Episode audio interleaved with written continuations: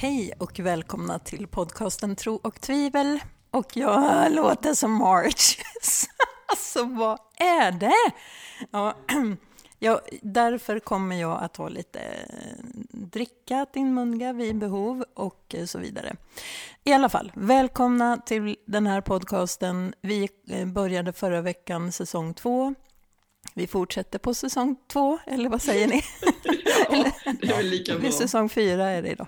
Nej, eh, och det är ju fortfarande så att det läget vi har i samhället, alltså corona, covid-19-läget, eh, påverkar oss starkt. Så att mm. vi fortsätter väl helt enkelt bara där vi slutade sist, tror jag. Och innan vi satt... Ja, vad slutade vi sist? Nej, i total kaos. Nej, men vi sa ju det innan vi tryckte igång här, att eh, den här oförberedda podden kanske får gestalta samhället i stort just för tillfället. Lite mm. småkaosigt. Ja, men precis. Hela samhället är ju inte riktigt förberett. Nej. Det känns att inte något land har mm. riktigt koll på vad de håller på med egentligen. Nej, precis.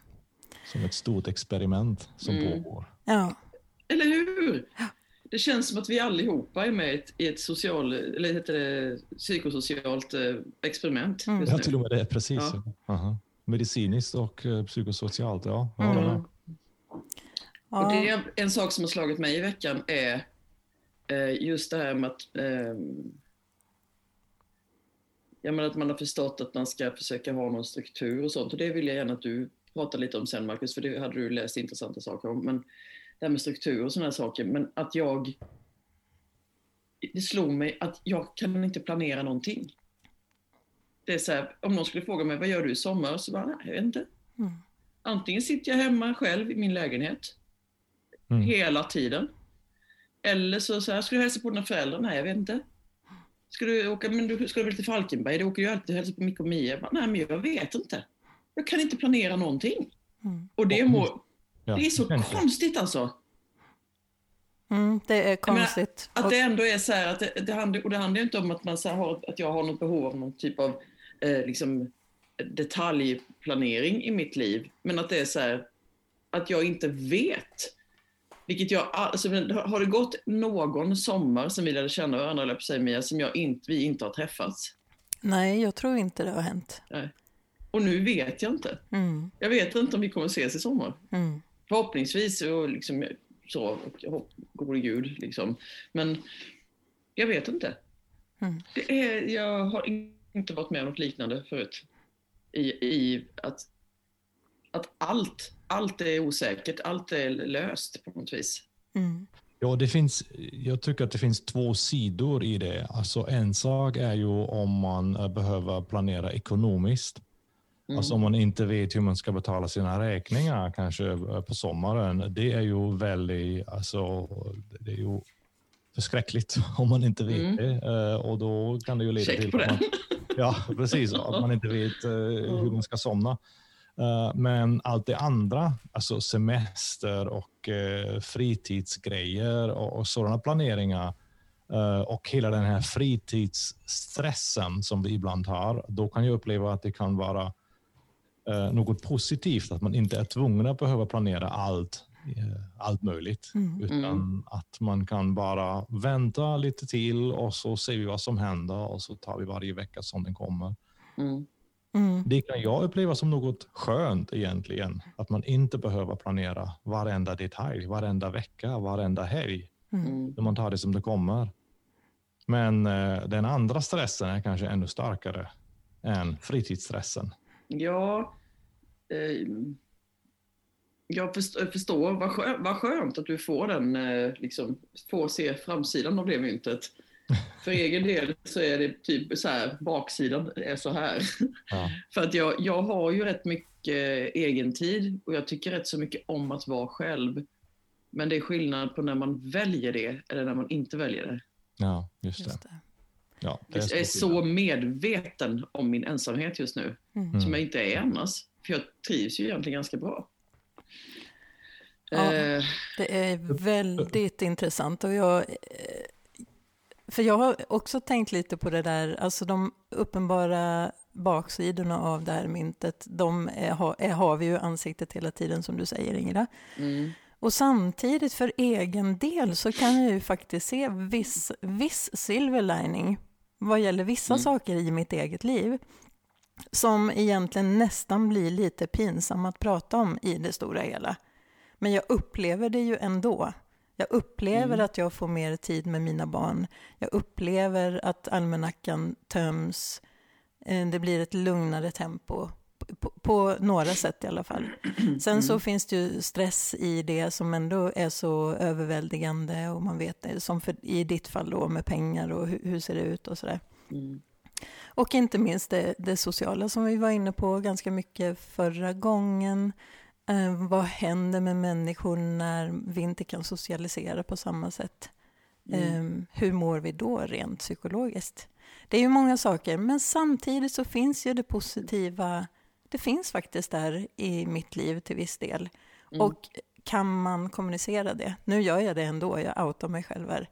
Men det är ju inte helt, det är inte helt lätt att prata om det när döden lite så här knackar på dörren hos andra. Ja. Mm. Nej. Det finns väl inget som är egentligen är, förutom om man, bortsett från att inte förhålla sig till de råd vi får från experterna och, och visa hänsyn och tvätta händerna och skydda våra eh, riskgrupper så finns det väl egentligen inget annat som är fel just nu Mia, tänker jag. Det är väl inget fel? Nej, men det, det är klart att det känns ju inte så solidariskt att eh, prata om de positiva sidorna av det här. Ja, fast, fast jag tänker att det är väl snarare så att, att då pratar du ju om, tänker jag, ehm, det, ehm, kanske, det kanske handlar lite mer om så här, det vanliga livets baksida av myntet. Mm. Som är att vi stressar för mycket.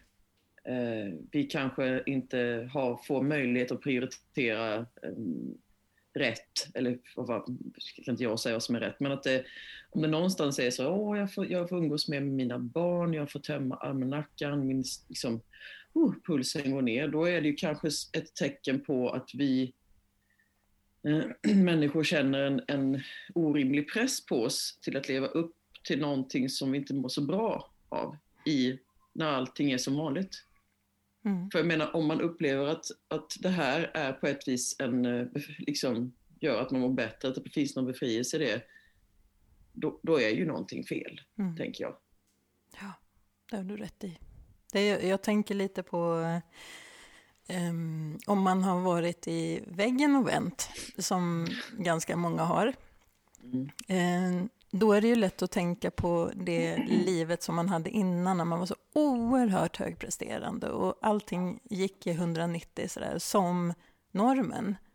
Mm. Eh, och att det är så lätt att känna sig dålig för att man efter en sån episod ehm, av sjukdom inte klarar av att komma tillbaka till den Mm. nivån.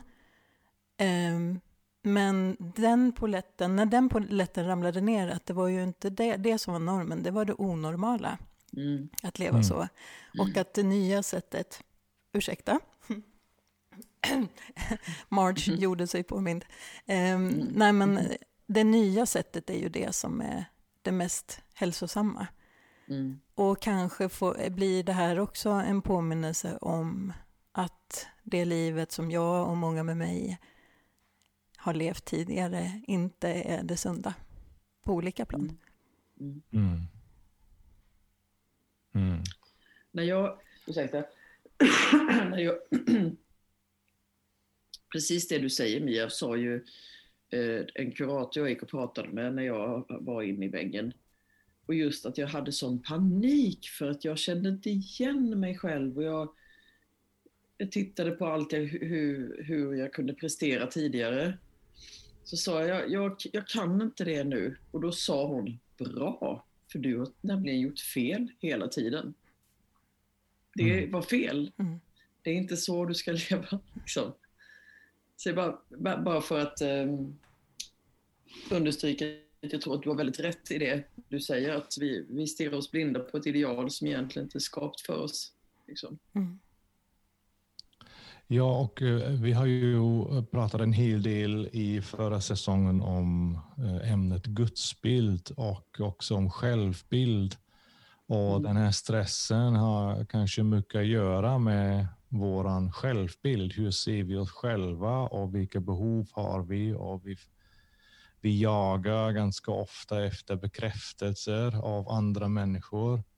Uh, så att de ser hur duktiga, snygga, rika, så begåvade vi är egentligen för att få en, en positiv eh, återkoppling och feedback, vilket är ju egentligen bra. Egentligen är allt detta ju rotat i ett behov att bli älskat.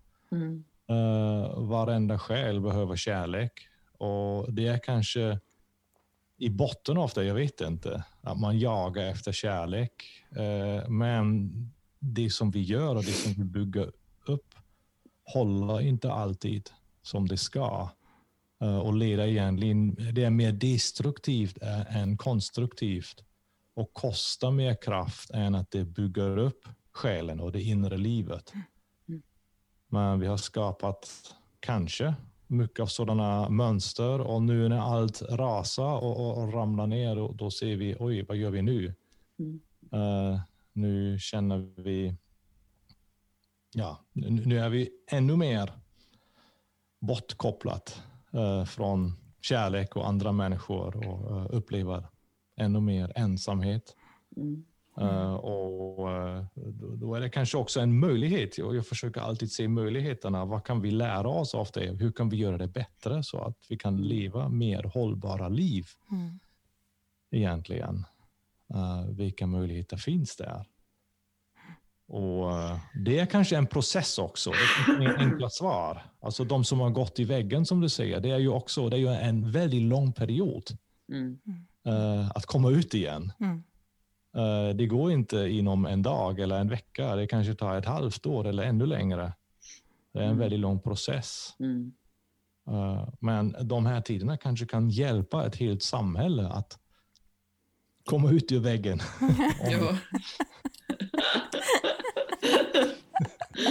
Spooky. ja, men jag sitter här och funderar lite grann. Jag vet inte, jag skickade ju, eller om Micke skickade en artikel som Joel Halldorf har skrivit. Oh, Han skriver ju för ett Expressen. Så bra artikel. Den är väldigt bra och den tar upp så mycket av det som vi diskuterar nu. Han, sätter, han är så duktig på att formulera och sätta ord på saker på ett väldigt eh, skarpt och ändå kärleksfullt sätt. Mm. Eh, han är ju inne på det här med eh, kontroll. Mm. För, för, han har två grundfrågor till exempel. Eh, för att han pratar nämligen om, det är ändå fantastiskt att se hur hela samhället ruckas om och ställs om eh, mm. för att möta den eh, grundrätten som vi någonstans har kommit överens om att alla som är sjuka har rätt till bra mm. sjukvård. Mm. Eh, och då riggar vi ner allt det som vi tidigare på något sätt har signalerat är det viktigaste, alltså välfärd eh, och eh, frihet. Mm. mm. Det är vi beredda att rigga ner för att möta det behovet och det är ju, det är ju otroligt vackert. Mm. Ja. Men så kommer han då till, är det verkligen omsorg som är vår drivkraft? Eller är det, det, det... i botten obearbetad dödsångest? Ja. Mm -hmm. ja, ja, ja, det, ja vilken, vil, alla ni som lyssnar, snälla läs den där artikeln. Det, ja. den är, jag, jag tror jag läste den kanske fyra, fem gånger igår. Mm. Bara för att liksom Vi skulle kunna dela ja. den, den, länken i samband med, alltså där vi lägger ut eh, det här till exempel, mm. eller ja, mm. hänvisa till den så att ni kommer åt den lätt, för att den är mm. verkligen läsvärd. Mm. Men eh, bara för att eh, plocka upp lite vad ni fastnade för, då. vad tänkte du på Marcus när du läste den artikeln? Ja, eh, jag kan ju väldigt mycket relatera till eh, ämnet dödsångest. Uh, det var ju egentligen min motivation att bli kristen. Mhm. Uh, I en uh, icke-troende familj. Och jag tror att jag har fått den här ång ångesten från min mor som var otroligt rädda för döden och hon har smittat mig när Mm. jag var tonåring. Och jag hade inget svar på um, vad händer när jag kanske inte kommer att vakna imorgon bitti? Mm. Var kommer jag att hamna då? Och det gjorde att jag blev otroligt orolig som 15-åring. Uh, och sen har ju hänt saker och ting. Att jag hörde talas om uh, Jesus och uppståndelsen. Uh, och det talade väldigt djupt till mig. Och så när jag var 16 så fattade jag beslutet att tro på den Jesus om han är starkare än döden. Mm. Uh, men den här dödsångest är någonting som jag är växt upp med. Mm. Uh, och um, Den här stressen som den orsakar är också... Alltså, jag förstår allt det här och vad det kommer att leda till. Särskilt att man försöker distrahera sig. Att man försöker fylla sitt liv med alla möjliga grejer bara för att komma undan den här uh, dödsångest Mm. som annars påverkar en under nätterna, på dagarna och allt som kanske kan gå snett i livet påminner en om att livet tar slut någon gång. Mm. Ja, eh, ibland är det väldigt otydligt och ibland är det väldigt tydligt när en granne eller någon familjemedlem dör eller går bort. Eh, men det är någonting som påverkar otroligt mycket, i, som styr hela vardagslivet egentligen. Mm. Uh, och därför tänkte jag att han har rätt i det. Alltså, jag tyckte att det var så snyggt sagt när han beskrev det så blev jag påmind om det. Ja, just det, precis så här är det ju. Mm. Jag har ju själv levt det här livet fast jag var bara tonåring. Men i min familj var det ganska vanligt att distrahera sig. Uh, och det blev väldigt tydligt i, i vår familj. Det var inte otydligt. Min mamma läste ju alla möjliga böcker om nära dödsupplevelser och sånt. Mm. Alltså det var ett ämne hos oss. Så mamma jobbade på, på en bokaffär och eh, tog hem alla möjliga böcker. Mm. Eh, och så uh, smögläste jag dem också då och då. Eh, och, och därför, eh, ja, det var det som jag blev påmind om. Mm. Um, men det har försvunnit under min eh, livsresa mer och mer. Eh, nu Vad har jag, skönt. Ja, nu kan jag säga att jag inte... Alla är nog rädda för döden på något vis, men det är inte någonting som skrämmer mig längre. Mm. När det händer Mm. så händer det och eh, då vet jag på något sätt kommer det att fortsätta. Jag har inte alla svar, men jag har frid med det ändå. Mm. Mm. Mm. Ja, och det var det som jag tänkte på när jag läste den artikeln. Han går ju vidare i det resonemanget då, att, för att eh, jag, eh, jag kommer inte ihåg exakt titeln, men det är någonting eh, typ, det finns värre saker än att dö. Mm. Ja, Eh, precis. Och så då, då tar han ju avstamp ifrån det som du pratar om, Marcus. Eh, och så skri skriver han så här då, ehm, att vi behöver fundera på om det finns någonting som är viktigare för mig än att överleva. Eh, och landar i två frågor då. Vilka ideal är jag beredd att dö för? Och vilken större berättelse lever jag i? Och så Mm. resonerar han kring det. Och det är ju väldigt intressant för att det som eh, kristendomen har, har kopplat, eh, eller förklarat förtröstan, förtröstan har varit väldigt starkt, det är ju att man, har en, man litar på att Gud på något sätt eh, är med och att vi får vara med i den större berättelsen, i Guds berättelse. Eh, men ju mer tron har riggats ner i vårt samhälle så har ju förtröstan ersatts då med kontroll. Som vi har pratat lite om, den här Mm. inbillade kontrollen.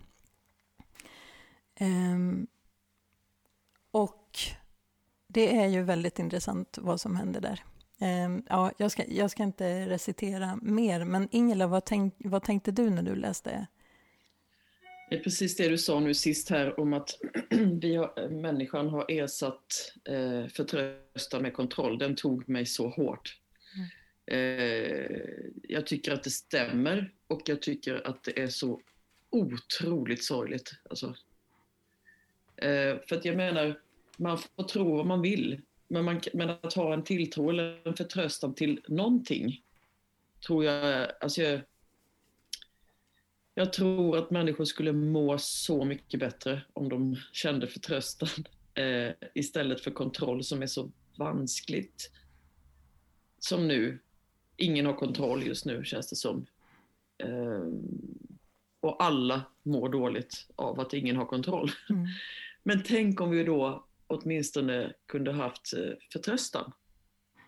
Jag, jag, tyckte det han skrev också som var så här, nu menar jag inte att vi ska, ska bete oss vårdslöst, men det var bara intressant att han skrev att eh, 75 år sedan som bomberna föll över London liksom, och man stängde inte ner då, de fortsatte och liksom i i dödsskuggans dal så fanns förtröstan där som en stav. Det var att det fanns någon, eh, att det är helt naturligt att gå dit hem. Och att det känns när man tittar ut i samhället nu som att det finns inte alls. Mm. Inte överhuvudtaget. Och det, det gjorde så ont att, att läsa om det för att um, bara vilka, vilka, vilka dumma val vi gör. Mm. Det, är inte alltså, det är inte klokt. Alltså, sett till hur vi är skapta och vilka behov vi har så går vi åt helt fel håll. Hela tiden. Hur... Ja. hur oj, men jag, men jag ja. Samtidigt då för egen del, men bara ska så fortsätta en kort tid, stund till, så är det, är det ju så att jag, jag själv blev påmind också om att vänta lite här nu. Kontroll är, har varit ett, det är ett väldigt konstigt håll att gå. Varför, varför, varför, eh, varför är jag så frustrerad över det här och att jag inte har någon kontroll? Tänk om jag ska försöka så här, sikta in mig på förtröstan istället. Och sen kommer det ta lite tid tror jag. Men man får slipa sig själv lite nu. Mm. Det finns eh, den här eh, psalmen 46 i eh, Psaltaren som jag också tänkte på. De här två verserna. Gud är vår, vår tillflykt och vår styrka. En hjälp i nöden som aldrig svikit. Därför äts vi inte. Om än jorden skälver och bergen störtar i havets djup.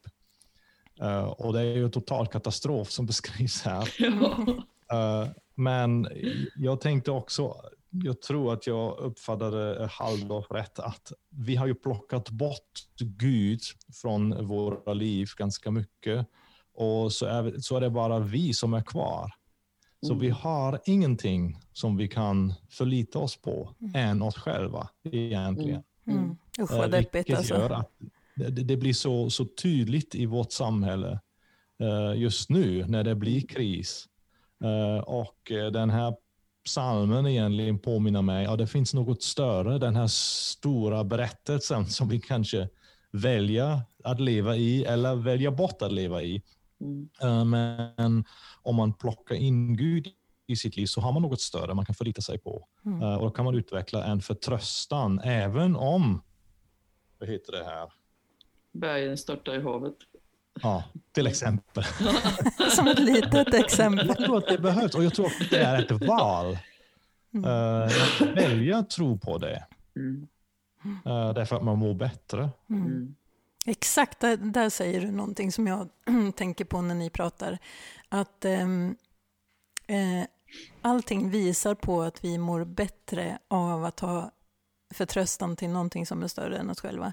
Och mm. ändå sen, den senaste tiden så har ju vi som på något sätt säger att vi har en tro mm. setts på, med ögon som är lite, ja, inte alla hästar hemma där va? Mm. Lite mindre vetande, som att man är lite naiv, lite dum, att man um, avvisar vetenskap och så vidare. Det är ju ganska intressant om man ser det så här då, oavsett om det finns en gud eller inte. så mår Mm. vi ju bättre av att tro att det finns en gud. Och vad är det som är osmart eller smart då? Mm. Alltså det blir lite så här meta-diskussion kanske. Jag tror ju, jag är helt övertygad om att det, det finns en större tanke. Jag tror ju på Gud. Jag tror ju att Gud också verkligen vill connecta med oss och genom Jesus så blev det den ultimata bilden av vem man själv är. Att han presenterar sig själv för oss på ett väldigt tydligt sätt. Det tror ju jag. Eh, Men även om jag har fel så mår jag förmodligen bättre för att jag har den förtröstan. Mm. Att jag liksom är insatt i ett större sammanhang. Nej, det bara slog mig det här, vad är, vad är smart och vad är inte smart? Mm. Mm. Jag, jag tänker också på eh, några missbrukare som jag hjälpt, hjälpte under eh, en tid och när de kommer in till exempel till anonyma alkoholister så är en av de första grejerna som de behöver lära sig eh, att du kommer inte att klara av den här krisen utan att ha någon tro. Du behöver en tro som är mycket, mycket större än dig själv och än ditt problem som du har, eller dina problem som du har. Man behöver en tro och de säger ju eh, inte att man behöver tro på något eh, särskilt, alltså de ger inga förslag vad man ska tro på. Men de säger att man behöver ha en tro som är större. Mm. Och, eh, det, och det är väldigt, väldigt tydligt eh, att man in, de säger att du kommer inte klara av din, din alkoholmissbruk utan tro. Mm. Alltså, om du inte väljer tro så kan, du, så kan du gå hem med en gång egentligen, för då är det helt meningslöst. Wow. Vi kan inte hjälpa dig.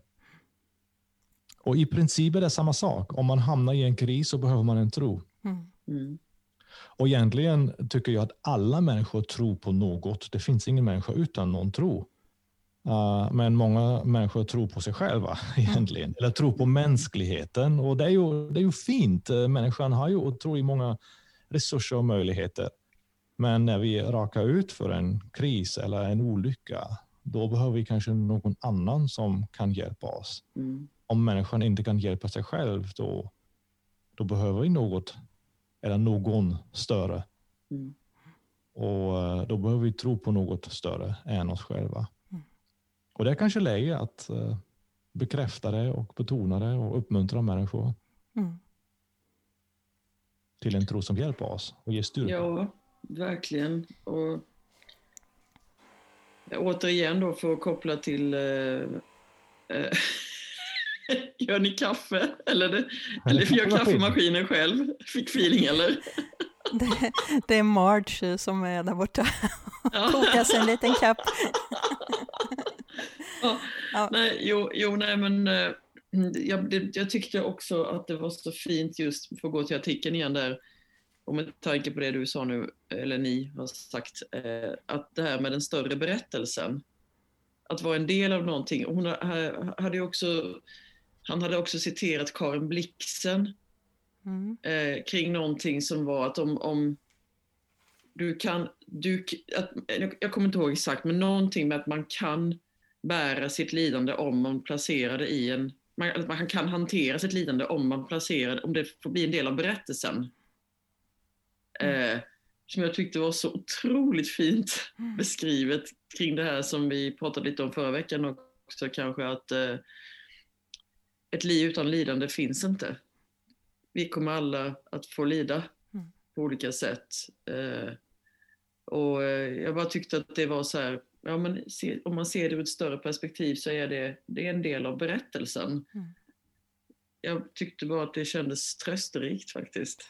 Mm, mm. Eh. Eh, och att det här, till exempel nu då, covid-19, ja, men det kanske bara är två sidor eller möjligen ett kapitel i hela boken. Mm. Sen kommer det komma andra kapitel. Mm.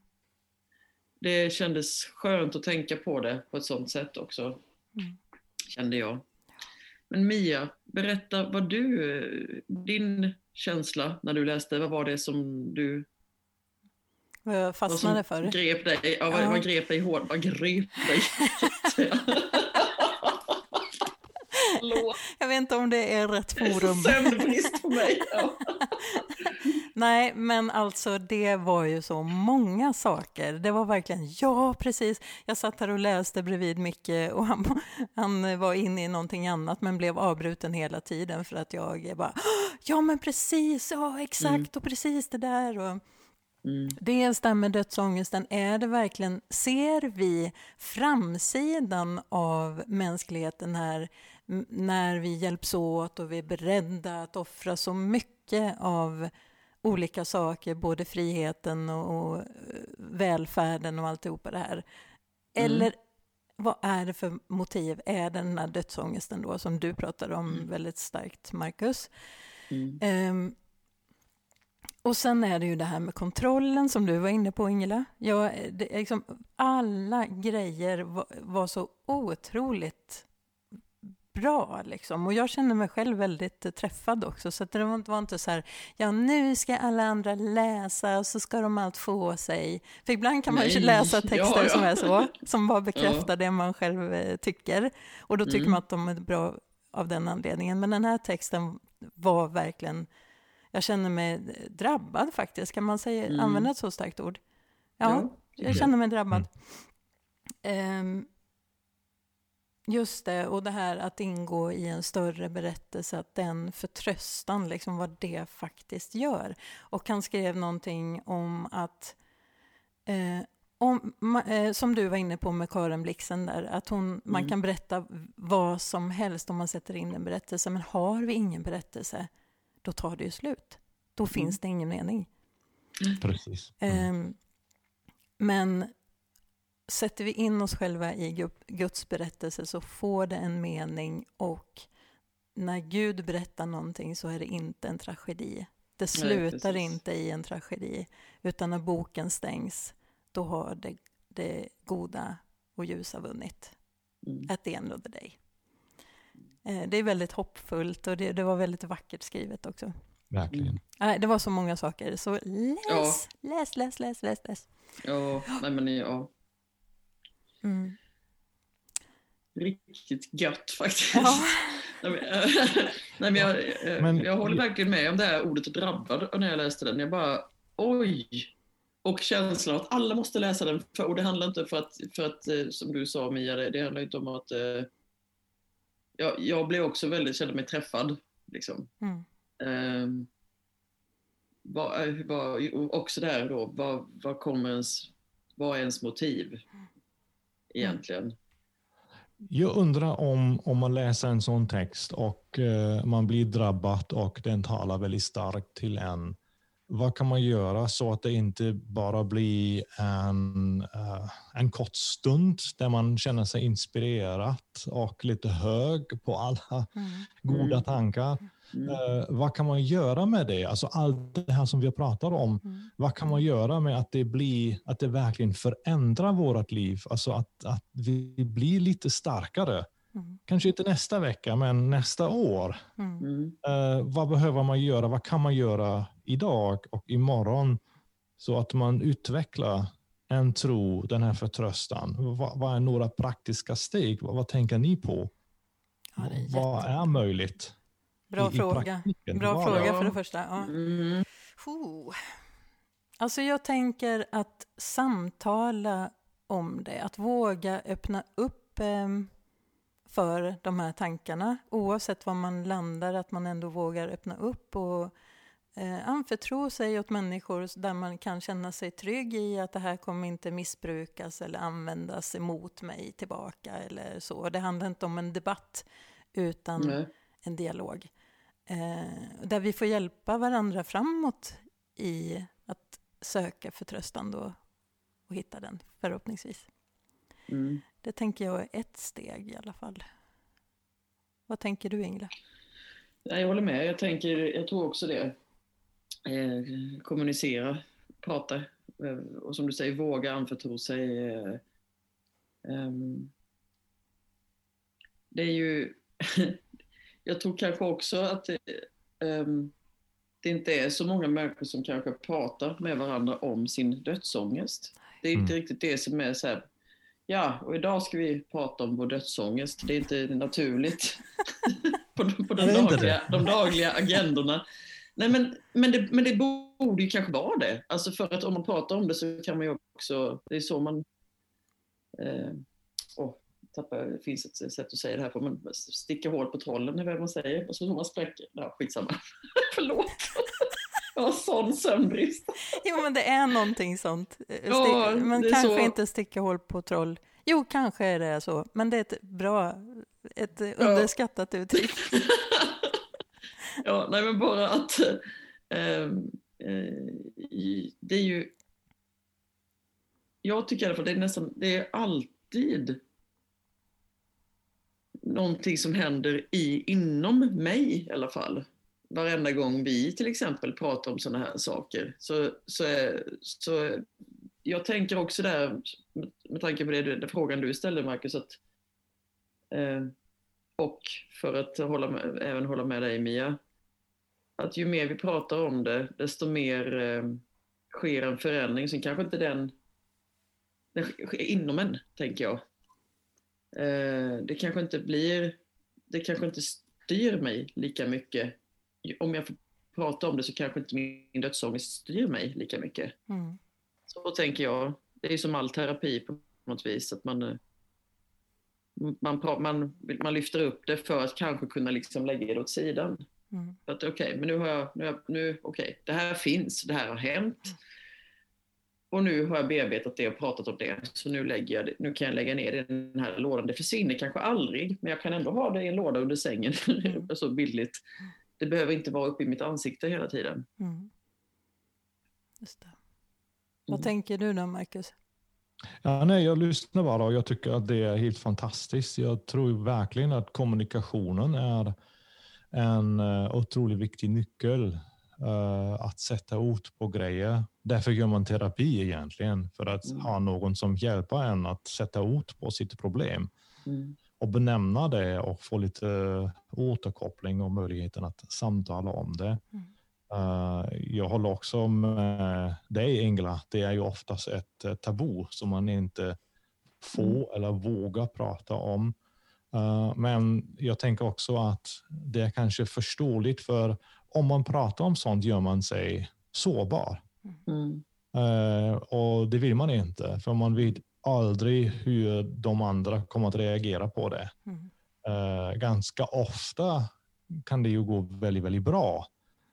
Uh, att man mm. säger oj, de, de brottas med samma problem som, som mig och uh, vi förstår varandra och då kan det ju bli en öppning till ännu längre och djupare samtal. Mm. Men det finns ju en risk att det går åt skogen också. Att man säger någonting och någon annan säger något väldigt elak eller kanske menar man inte ens det. Mm. Mm. Men man, man uppfattar det. Alltså det finns en risk att uh, man känner sig sårat och uh, ja, då blir det ännu svårare att öppna upp nästa gång. Mm. Uh, alltså det är ju den här det här dilemmat vi kanske befinner oss i. Vi, vi har behov av att prata, men när vi gör det så kanske blir det fel. Mm. Och så väljer vi att inte prata om det alls och så döljer vi det och allt blir bara sämre. Eller det, det är någonting un, alltså under ytan som, som händer. Mm. Uh, och jag kanske undrar hur kan man skapa tillfällen och uh, hur kan man skapa relationer, gemenskaper där man vågar öppna sig. Mm. Uh, där det känns tryggt. Mm. Och en sak är ju att alla måste göra sig sårbara, att man gör ett kontrakt på något vis. Här mm. får vi prata öppet och mm. alla får säga så mycket man vågar säga. Mm. Kanske, men uh, att, uh, att man är överens. Nu försöker vi ha ett samtal kring det. Mm. Kanske, jag vet inte. Jo, men med tanke på det du sa innan Mia, tänk om det skulle vara normen. Mm. Mm.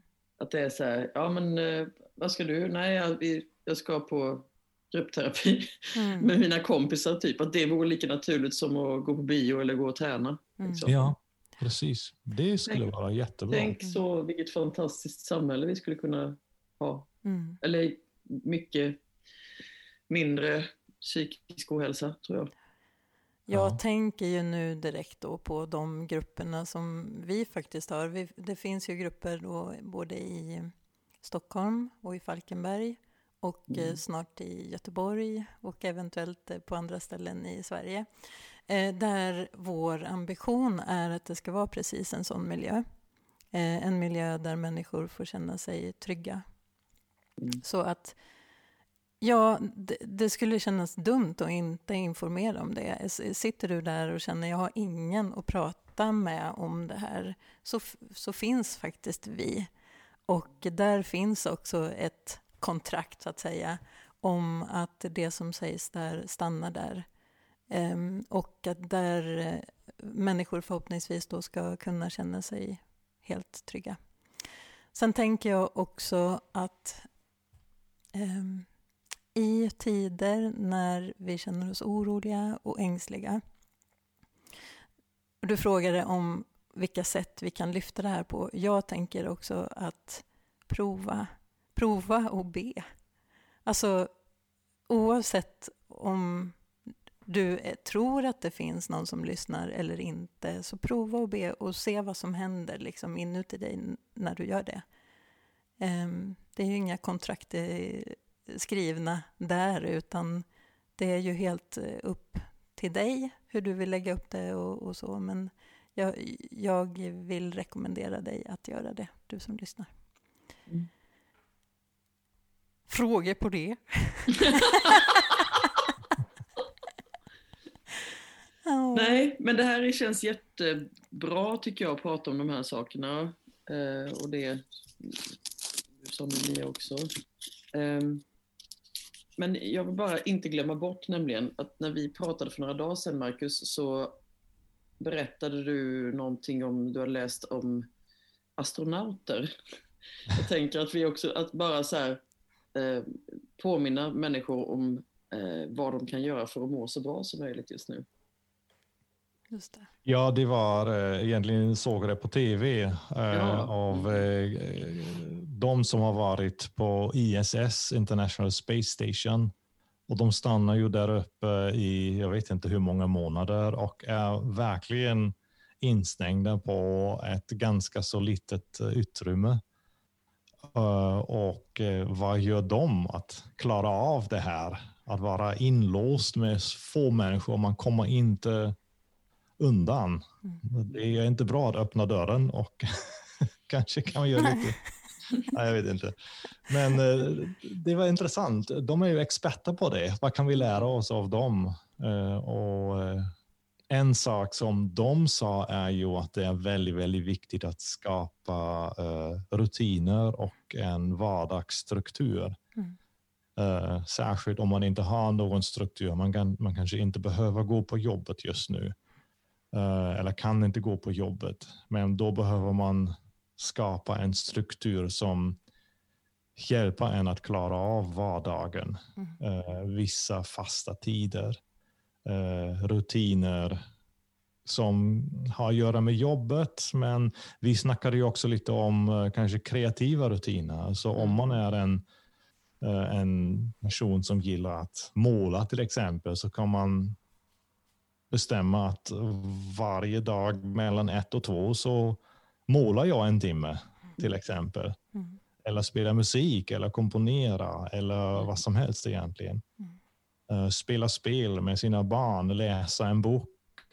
Eh, alltså allt det där. Eh, stryka, tvätta, jag vet inte. Allt möjligt som man kan göra och borde göra. Att strukturera sin vardag. Och det var Mm. ett tips som de gav som ska hjälpa en att klara av ett liv på ett väldigt, på väldigt lite rum och utrymme. Mm. Mm. Och det tyckte jag var intressant. Ja, Eh, och nu finns ju ingen chef som säger nu ska du göra så här. just det. Eller det finns inga kollegor som man gör grejer tillsammans. Man har inget schema utan man är sin egen chef helt plötsligt. Mm. Mm. Eh, och eh, det, det kanske känns skönt den första veckan. Mm. Eh, men sen kan det bli lite jobbigt. Och det- det här tipset tyckte jag var intressant. Så Mm. jag tror det var det som du tänkte på Ingela. Ja, det var det. Det här med rutiner. Jag tycker också det som du sa där också, att man, vad är rutiner? Det kanske inte bara är att man då äter på samma tider eller fasta tider, även om det är bra, men att man faktiskt försöker komma ut och få lite sol och röra på sig lite och så. Men också faktiskt det här med, med eh, att kunna vara kreativ, att det också får bli en del av rutinen. Sen mm. på vilket sätt det nu är, om man kommer på en jättesmart lösning för hur man ska sortera sina kryddor, fine. Det är också liksom att hålla både hjärna och själ igång på något vis.